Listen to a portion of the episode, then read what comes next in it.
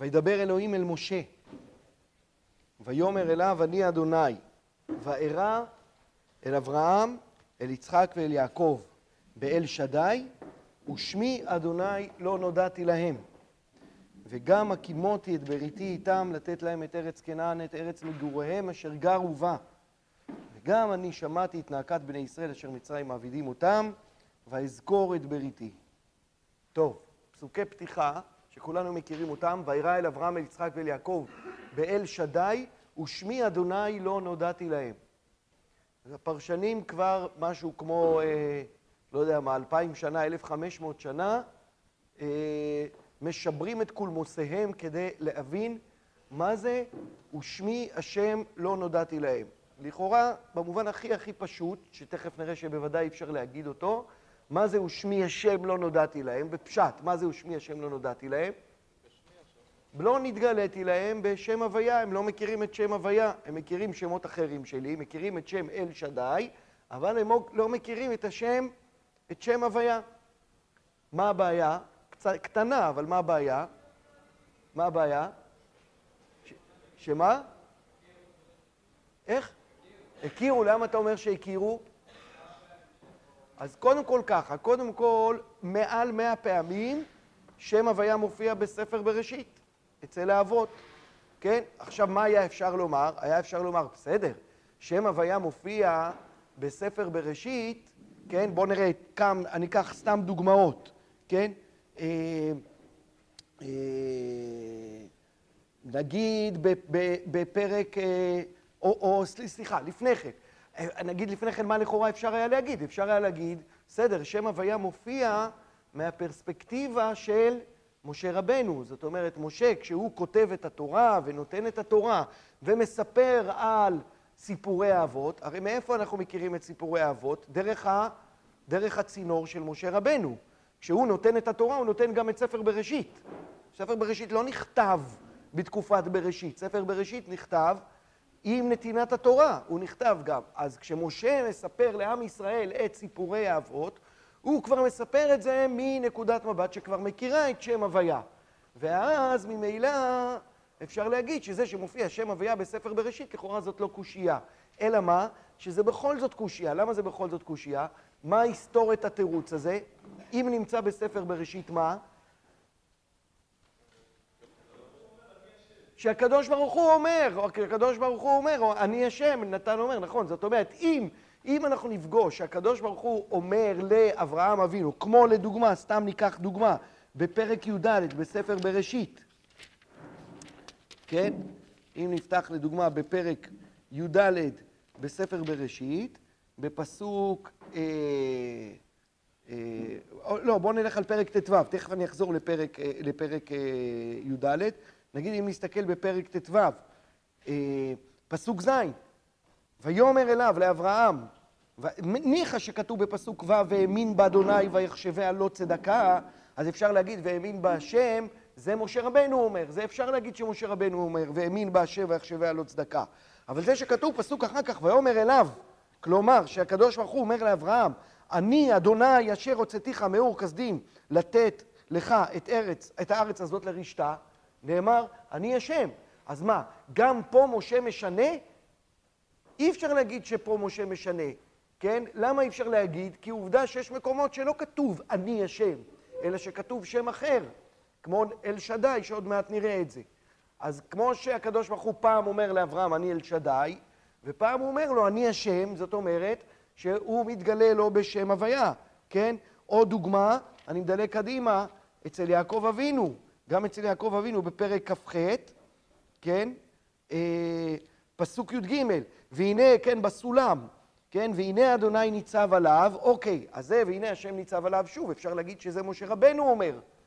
אבל זה שכתוב מיד אחר כך, ויאמר, אני אדוני אלוהי אברהם אביך ואלוהי יצחק הארץ אשר אתה שוכב עליה לך אתננה ולזרעך, שם הוויה. הנה, אני השם, הוא מתגלה בשם הוויה. יותר מזה אני רוצה לומר, אנחנו יכולים לראות מקומות שבהם לא רק אברהם, יצחק ויעקב, אלא גם אחרים משתמשים בשם הוויה. לדוגמה, אם אני מדפדף אחורנית לנוח, אז בנוח בפרק ט', אנחנו קוראים כך, בפרק ט', דבריו לבניו אחרי הסיפור, אחרי הסיפור של, של השכרות, אז שם אומר ככה נוח, ויאמר, ויקץ נוח מעינו, וידע את אשר עשה לו בנו הקטן, ויאמר ארור כנען עבד עבדים יהיה לך, ויאמר ברוך אדוני אלוהי שם, ויכנען עבד למו, ברוך השם, בי' ק' ו' ק', ברוך השם אלוהי, אה, אלוהי שם.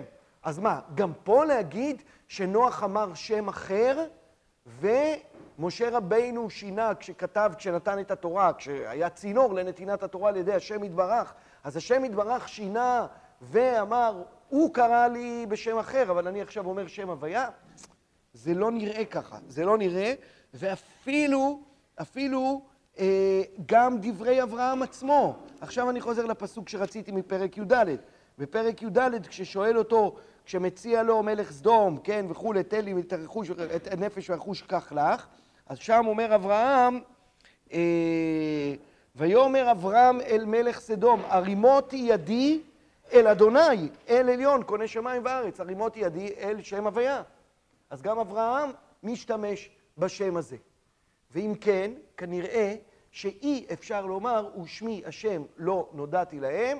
בפשט אי אפשר להגיד שהכוונה שאברהם, יצחק ויעקב ואבות לא ידעו את שם הוויה. ואם כך, אנחנו נותרים עם השאלה, מה זה וארא אל אברהם ואל יצחק ואל יעקב באל שדי, ושמי אדוני לא נודעתי להם, נכון? קושייה. אז כמו שאמרתי, הפרשנים מציעים פירושים רבים ומגוונים. בגלל קוצר הזמן אני לא אתחיל להראות לכם את כל הפרשנים, אבל יש את אבן עזרא שיש לו הצעה משלו, ויש את uh, הרמב"ן שיש לו הצעה משלו, ויש את רש"י שיש לו הצעה משלו. Uh, יש הרבה הצעות. וההצעות כולן נוגעות בעצם למעבר מהיכרות עם השם עצמו להיכרות עם ההנהגה שהשם הזה מבטא. זאת אומרת, לכל שם של הקדוש ברוך הוא, כל שם של הקדוש ברוך הוא, הוא ביטוי לאופן אחר של הנהגה שלו בעולם. בגלל זה יש לו הרבה שמות. יש לו הרבה שמות לא סתם. ריבוי שמותיו של הקדוש ברוך הוא, כי בכל שם הקדוש ברוך הוא מופיע, מתלבש בצורת הנהגה מסוימת.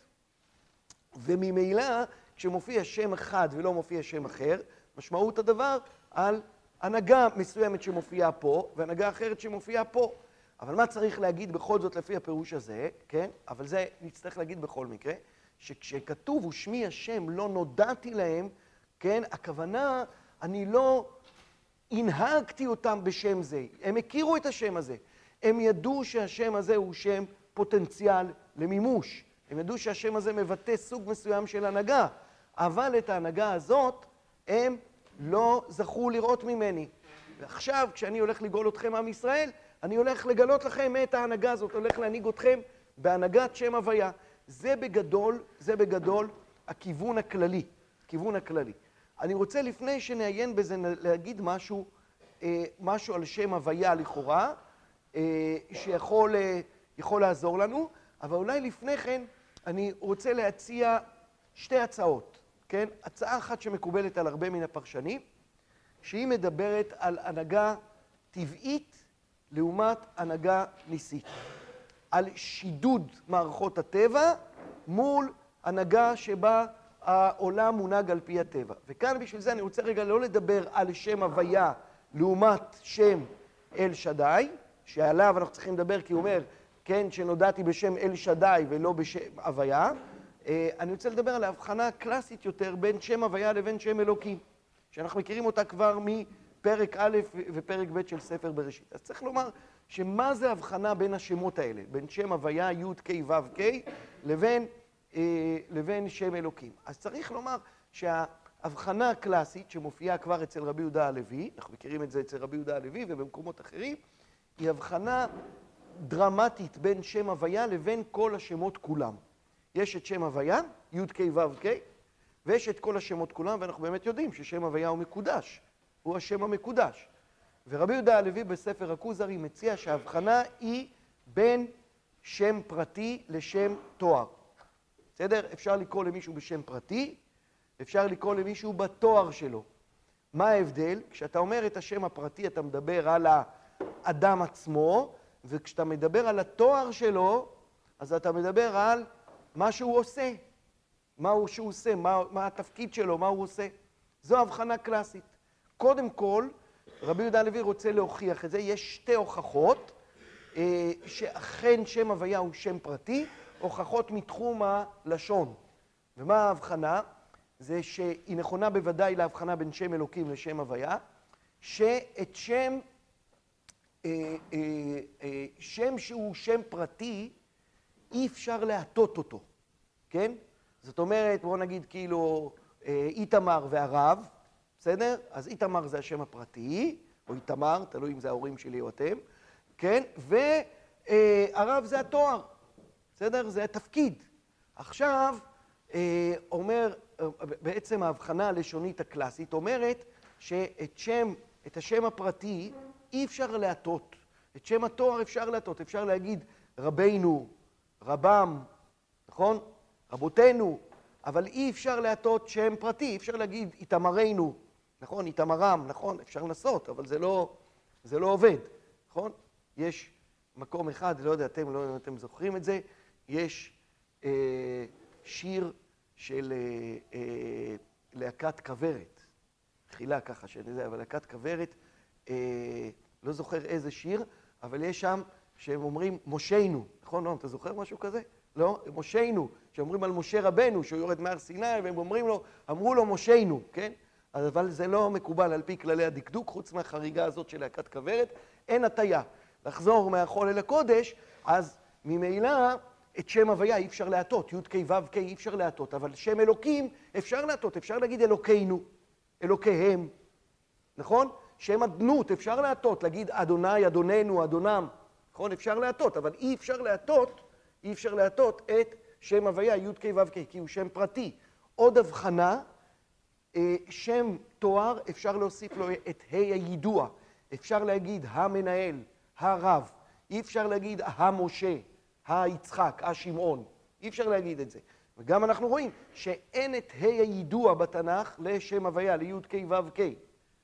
לעומת זאת יש את ה' היידוע לכל השמות האחרים, להאלוקים. לכן אומר רבי יהודה הלוי, שם הוויה הוא שם פרטי, הוא כאילו הקדוש ברוך הוא מספר לנו מה השם שלו, ולכן שם הוויה מופיע בדרך כלל לעם ישראל, ושם אלוקים מופיע לכל העולם כולו, ועוד הבחנות רבות שנובעות מההבחנה הזאת, או השלכות רבות שנובעות מההבחנה הזאת, לדוגמה, ההבחנה בין טבע לבין נס. זאת אומרת, שם הוויה הוא שם שהניסים מתגלים דרכו, ושם אלוקים הוא שם של התגלות דרך הטבע, כן?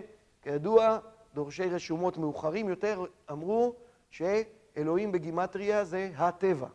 לא טבע, אלא הטבע עם ה', בסדר? כן? כדי שזה יצא בדיוק. אז, אה, אז אנחנו יודעים שהנהגה בשם אלוקים היא הנהגה טבעית. ככה הרבה אומרים. לעומת זאת, הנהגה בשם הוויה היא הנהגה ניסית. ולכן כיוון פרשני אחד בא ואומר, ושמי השם לא נודעתי להם, מה הכוונה? הנהגה של שידוד מערכות. הנהגה שבה הקדוש ברוך הוא מתגלה בשידוד מערכות, ובאמת אנחנו יודעים, אם אנחנו קוראים את סיפורי האבות, האם אנחנו קוראים בסיפורי האבות על ניסים גלויים רבים? כמעט ולא. אפשר לדלות כאן, אולי, לא יודע מה, נגעים שמנגע הקדוש ברוך הוא, את אבימלך. אני מדבר על ניסים גלויים, כן? העקרות של שרה כמובן, אפשר להתייחס לזה כנס, כן?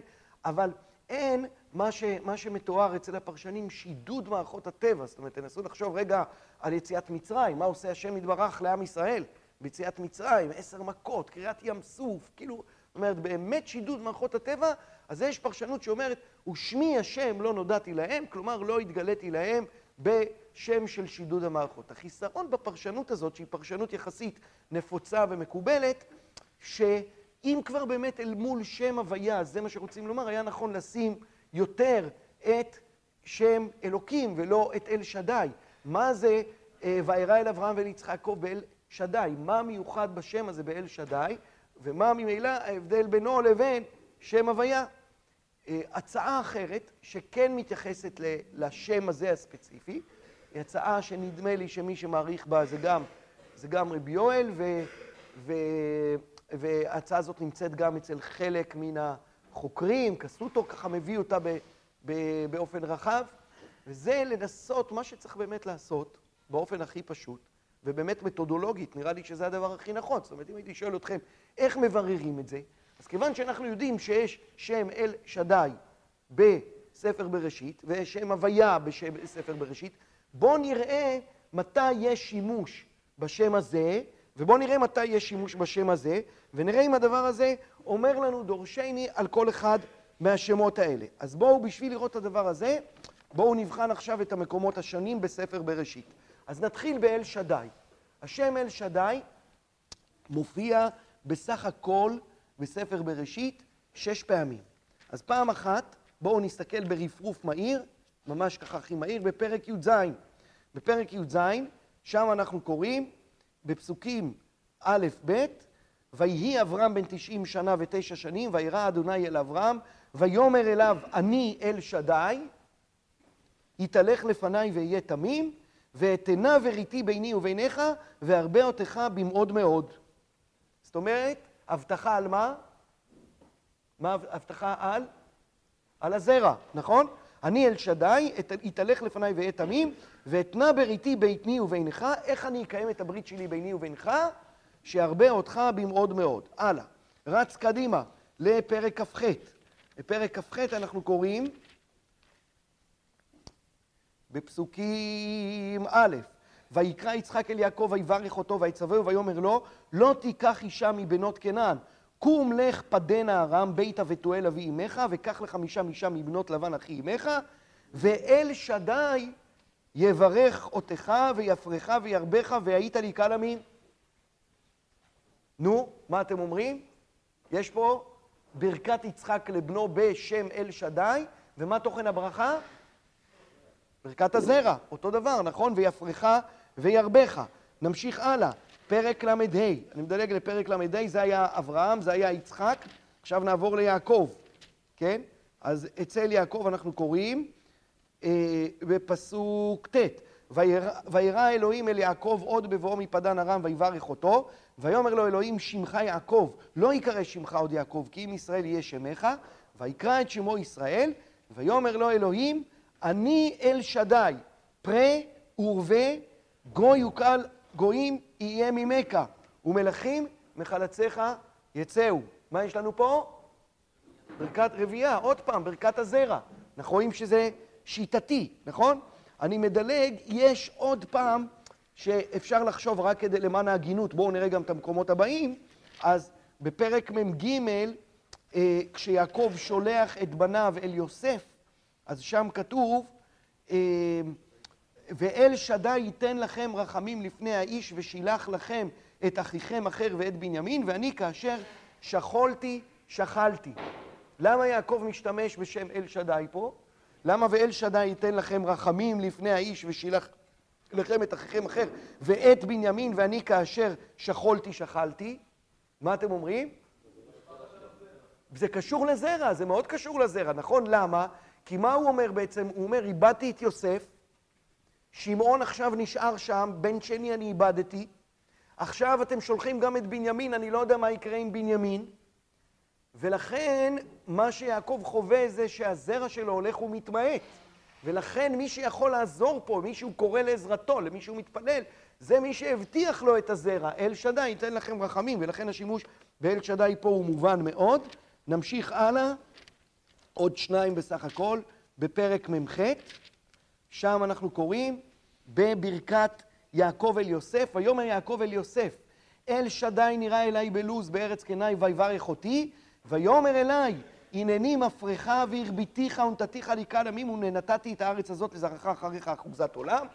עוד פעם, ברכת הזרע, בסוף גם יש את ברכת הארץ, ונתתי את הארץ הזאת אחוזה, אבל ברור שהלב של הברכה, עוד פעם, זה ברכת הזרע, והמקום האחרון חביב בספר בראשית, זה בפרק מ"ט, בברכת יעקב לבנים, שוב אצל יוסף, ושם אנחנו קוראים לא ממש את השם המלא, אבל מאל אביך ויעזרך, ואת שדי ויברכך, ברכות שמיים מעל, ברכות תהום רובצת תחת, ברכות שדיים ורחם.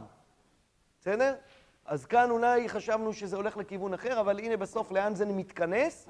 שיש פה הבטחה בשם שדי, ויברכך, ברכות שמיים, ברכות תהום, אבל בסוף לאן זה מכוון? לברכות שדיים ורחם. מה זה שדיים ורחם?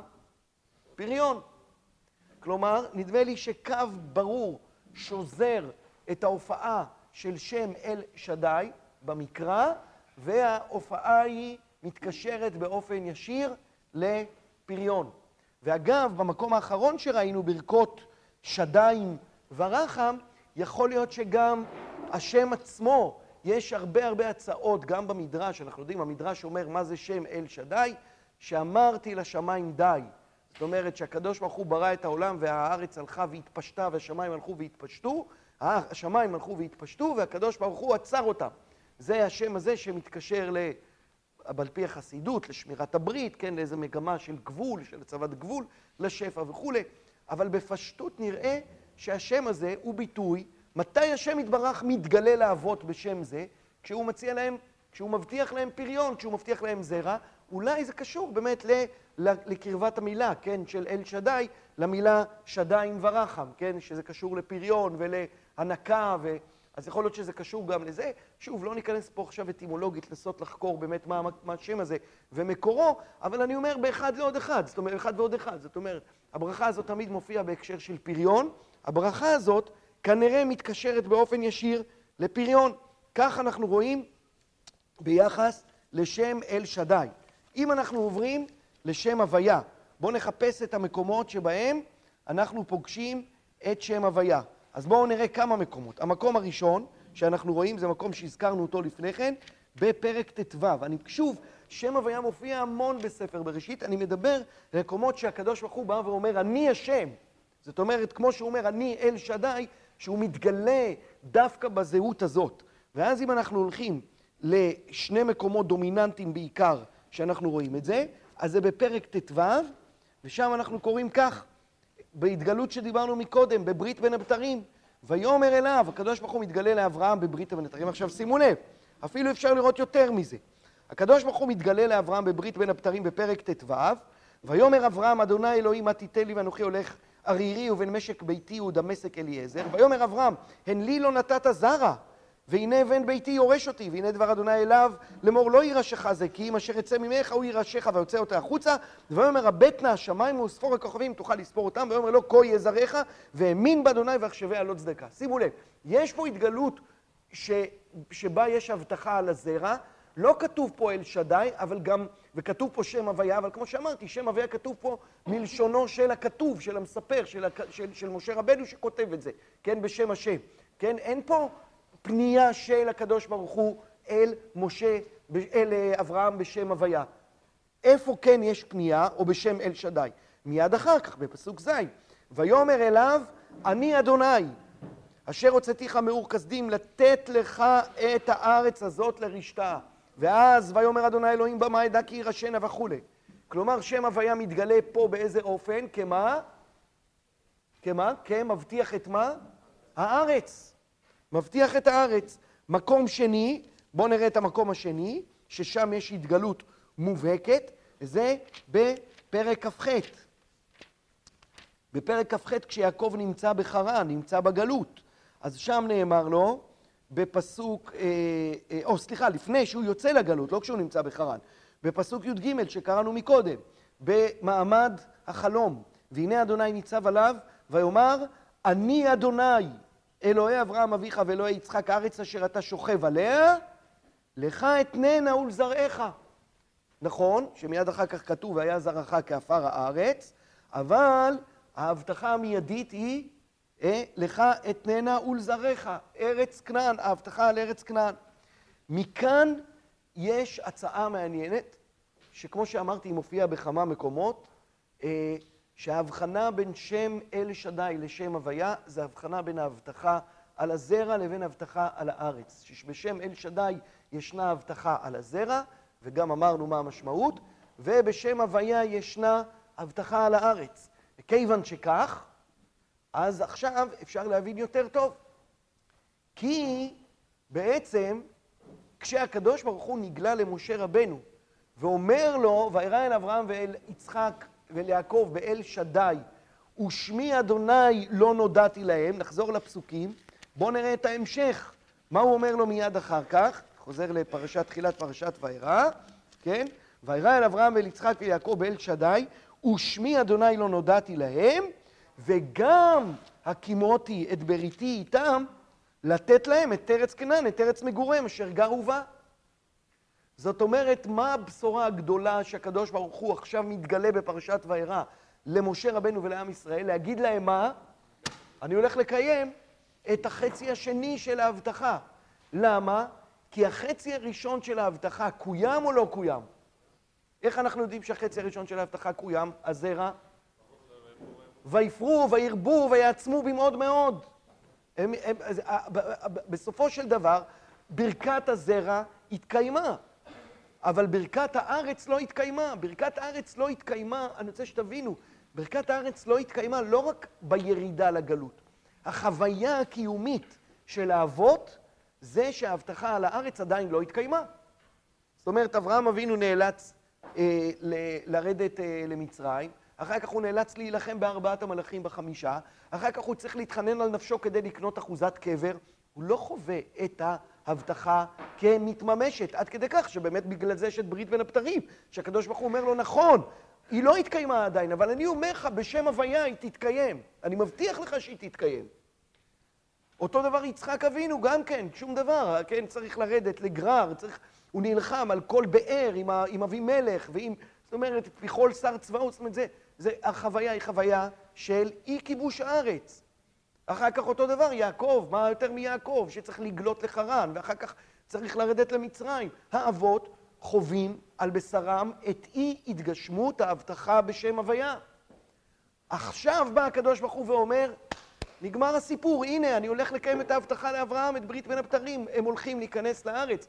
ושמי אדוני לא נודעתי להם, וגם הקים אותי, בריתי איתם לתת להם את ארץ כנען. הנה, עכשיו אני הולך להגשים להם את ההבטחה לתת להם את ארץ כנען. זאת ההבחנה אה, בין המשמעות של שם. זה לא שהם לא הכירו את השם, בוודאי שהם הכירו את השם. למה הם הכירו את השם, הטיעון הזה אומר? הם הכירו את השם האבות כי הייתה הבטחה על הארץ. כשהקדוש ברוך הוא הבטיח להם את הארץ, הוא התגלה בשם הוויה. כשהקדוש ברוך הוא אומר לאברהם, לך לך ומרצך ומולדתך מבית אביך לארץ אשר אראך, הוא אומר לו את שתי ההבטחות, הבטחת הזרע, אחר כך כשהוא מגיע, הבטחת הזרע והבטחת הארץ בשכם, הוא אומר את שתי ההבטחות האלה. אלא מה? אבל אחת מתגשמת, אחת לא מתגשמת. אז הם מכירים את השם, הם יודעים להשתמש בו, הם יודעים לפנות לקדוש ברוך הוא בשם הוויה, אבל הם אומרים, השם, בינתיים השם הזה התגלה רק בכוח ולא בפועל, רק בהבטחה ולא במימוש. וירא אל אברהם ואל יצחק יעקב באל שדי, ושמי אדוני לא נודעתי להם, לא נודעתי, הכוונה לא התגשמתי. וגם הקים אותי את בריתי איתם, עכשיו אני בא כדי להגשים את שם הוויה. זה החידוש שאתם תזכו לו, שהאבות לא זכו לו. זאת ההצעה, אה, הייתי אומר ככה, שהיא אה, בעיניי מאוד מאוד קרובה אה, לפשט. אני, אני מבקש להוסיף על גבי ההצעה הזאת עוד הצעה שקשורה לדברים שדיברתי בפעם הקודמת ביחס לסנה. וביחס לתפקיד של הסנה ולסמל של הסנה. אני חושב שאפשר לומר עוד משהו. יש צד מסוים שיש חיסרון בכל הפירושים הללו, שהפירושים הללו לא מנסים לפענח את שם הוויה לתוכן שהוא מייצג. זאת אומרת, להגיד שם הוויה, גם הפירוש הראשון זה שם משדד המערכות.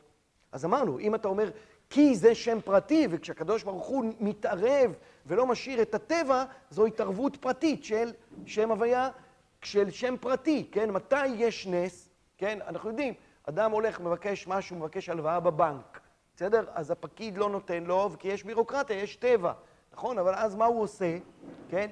יש שתי אפשרויות. אפשרות אחת, אני אומר לכם, זה טריק, זה לא תמיד עובד. אתה מסתכל על, ה... על השם שלו כאן שכתוב לו, ואז אתה אומר לו, תשמע, יצחק, אני רוצה להסביר לך משהו. תראה, אני במצב מאוד לא פשוט. עכשיו, למה אתה אומר לו, תשמע, יצחק? אתה אומר לו, עזוב, אחי, בסדר, עד עכשיו היית פקיד בבנק. בוא תהיה רגע בן, מענץ', תהיה בן אדם. בוא נדבר בין אדם לבן אדם. ואז הוא אומר, טוב, יאללה, בוא נעגל את הפינה, בוא, בסדר, ניתן לך זה. לא תמיד זה עובד, זה רק בתיאוריות, בסיפורים זה עובד, כן? בפועל, הוא אומר לך, אני מצטער, כן? אבל uh, תנסו, לפחות תנסו, כן? לא תאמרו, לא ניסינו. אבל, אבל מה קרה שם? שם פרטי הוא השם שבו כשאדם יש לו תפקיד, הוא פועל על פי התפקיד, הוא פועל על פי החוקים של התפקיד. כש, כשהוא מתגלה בשם פרטי, השם הפרטי הוא המקום שבו הוא מוכן לשדד את המערכות, כן? אז זה הסבר למה שם הוויה, אם הוא שם פרטי, משדד מערכות. אבל זה לא מספיק, זאת אומרת, זה לא מתייחס עדיין בכלל לאותיות האלה, לשם עצמו, מה הוא אומר. ניסינו להסביר מה זה אל שדי, אולי ששדי מתקשר לשדיים ורחם, אבל, אבל מה זה שם הוויה? מה זה י' ק' ו' ק'? מה אומר, מה אומרות, מה אומרות האותיות האלה? אז אם אתם זוכרים, נדמה לי שראינו בשבוע שעבר את החזקוני ביחס לשם שמתגלה שם, והוא שם אהיה. ומה המאפיין גם את שם אהיה וגם את שם הוויה? מה המאפיין העיקרי, אם הייתם צריכים להגיד מילה אחת שהשם הזה אומר בשפה העברית, אנחנו מכירים את, ה, אנחנו מכירים את השימוש בסוג כזה של, של, של, של, של צירוף אותיות. מה הוא אומר? מה? נוכחות. נוכחות. הוויה. עובדה שאנחנו אומרים שם הוויה, נכון? שם הוויה זה כאילו, בעצם זה י' ק' ו' ק'. מה זה שם י' ק' ו' ק'? אומר, אומר החזקוני, ושוב, אני לא, לא אומר שחייבים לקחת אותו בפשט. להגיד י' ק' ו' ק', כן? זה להגיד, אה, אה, תחשבו על האותיות, בסדר? אנחנו פה צריכים ללכת על חבל דק, כי הצירוף הזה הוא צירוף קדוש, אבל אני אומר, תחשבו על כשאנחנו אומרים את המילה, אני אומר עכשיו מילת חול, שאנחנו אומרים יהיה, הוא יהיה. עכשיו, איך כותבים את האותיות האלה? י' ק', י' ק', נכון? אפשר להגיד י' ה', י' ה', כי זה לא, זה שם חול, נכון? זאת אומרת, שאני אומר, נכון, שאני אומר, הוא יהיה, אה, אה, מתי הוא יהיה? הוא יהיה מחר בשלוש פה. מתי הרב תמיר יהיה? אולי הוא יהיה אחרי צהריים. הוא יהיה. בסדר? יהיה, זה להגיד, הוא ינכח. בסדר? אומר החזקוני, יהיה בשם אה, קודש, מתחלף היוד השני בו', ואז זה י' ק' ו' ק'. למה? כי א', דרך התורה לשנות את הי' והו', אנחנו פוגשים את זה בכמה מקומות, חיה, חווה, בסדר? למה חווה היא נקראת כי היא הייתה אם כל חי? כי יולדת זה חיה, כי חיות אינה, זה בעצם לקרוא לה חיה, אבל לא רצו לקרוא לה חיה, השם לא רצה לקרוא לה, או אדם לא רצה לקרוא לה חיה, כי החיות קרויות חיה, אז הוא קורא לה חווה. ו' וי' מתחלפות ויש דוגמאות רבות. בעצם להגיד י' ק' ו' ק' זה להגיד בעברית הוא יהיה. ולכן ההבדל בין שם הוויה, אומר החזקוני מאוד יפה, ההבדל בין שם הוויה לשם אהיה, זה ששם הוויה אנחנו אומרים עליו הוא יהיה, רק בו', ובשם אהיה, השם יתברך אומר בעצמו, אני אהיה. זה אותו שם, רק מי אומר אותו, אם הוא מלמעלה או מלמטה. אז בואו נאמר ככה, זו הצעת החזקוני, לא חייבים לקבל אותה. אבל אני רוצה לקחת מהחזקוני את ההבנה ששם הוויה, כל המהות שלו, החידוש העצום בשם הוויה זה להגיד, אני כאן, בעולם. ולכן זה גם יכול להתקשר לשם פרטי. אבל רק אני מנסה להסביר בתוכן מה זה אומר שם פרטי, למה זה שם פרטי. כי שם פרטי זה נוכחות. אני מביא את עצמי לפה. זה שם הוויה, שם הוויה הוא נוכחות. ולכן הוא גם השם הפרטי. ולכן גם הוא דווקא לעם ישראל, מפני שעם ישראל חווים את הנוכחות האלוקית באופן אחר מכל. כלומר, שם הוויה זה להגיד, אני כאן. עכשיו, מה המשמעות אם ככה, לאור ההבנה הזאת, להגיד, ושמי השם, לא נודעתי להם? אז אני רוצה להציע את ההצעה הבאה שדיברתי עליה גם בפעם הקודמת. הקדוש, הקדוש ברוך הוא מתגלה לאבות, אבל החוויה של הגילוי לאבות הוא גילוי אפיזודי.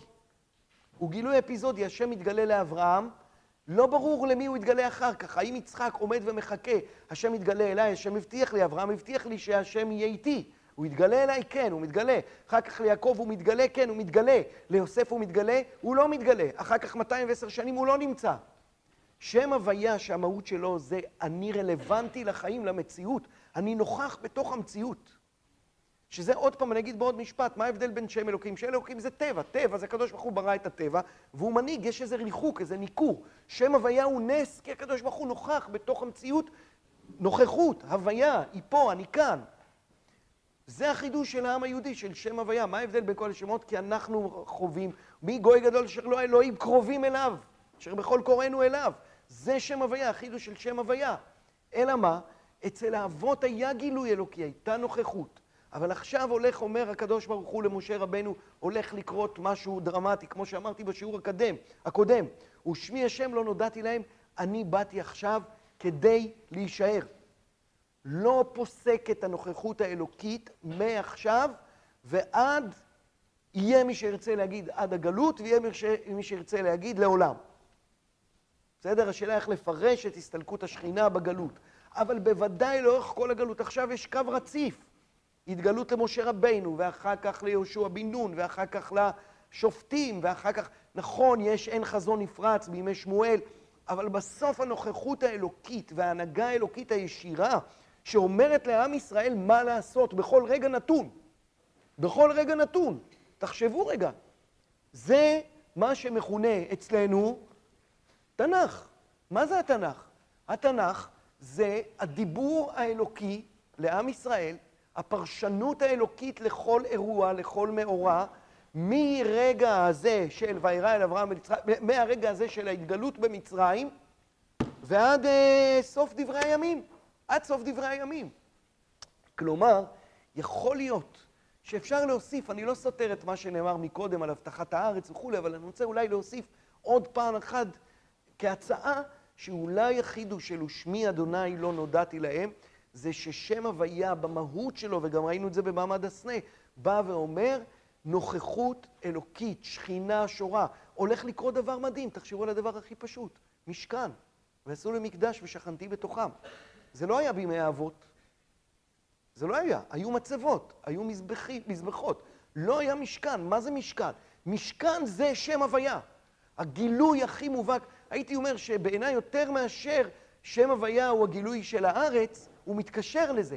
אבל הגילוי המובהק של שם הוויה הזה, ועשו לי מקדש ושכנתי בתוכם, זה נוכחות אלוקית בתוך עם ישראל, ויכול להיות שזו המשמעות של ושמי השם לא נודעתי להם. עד כאן.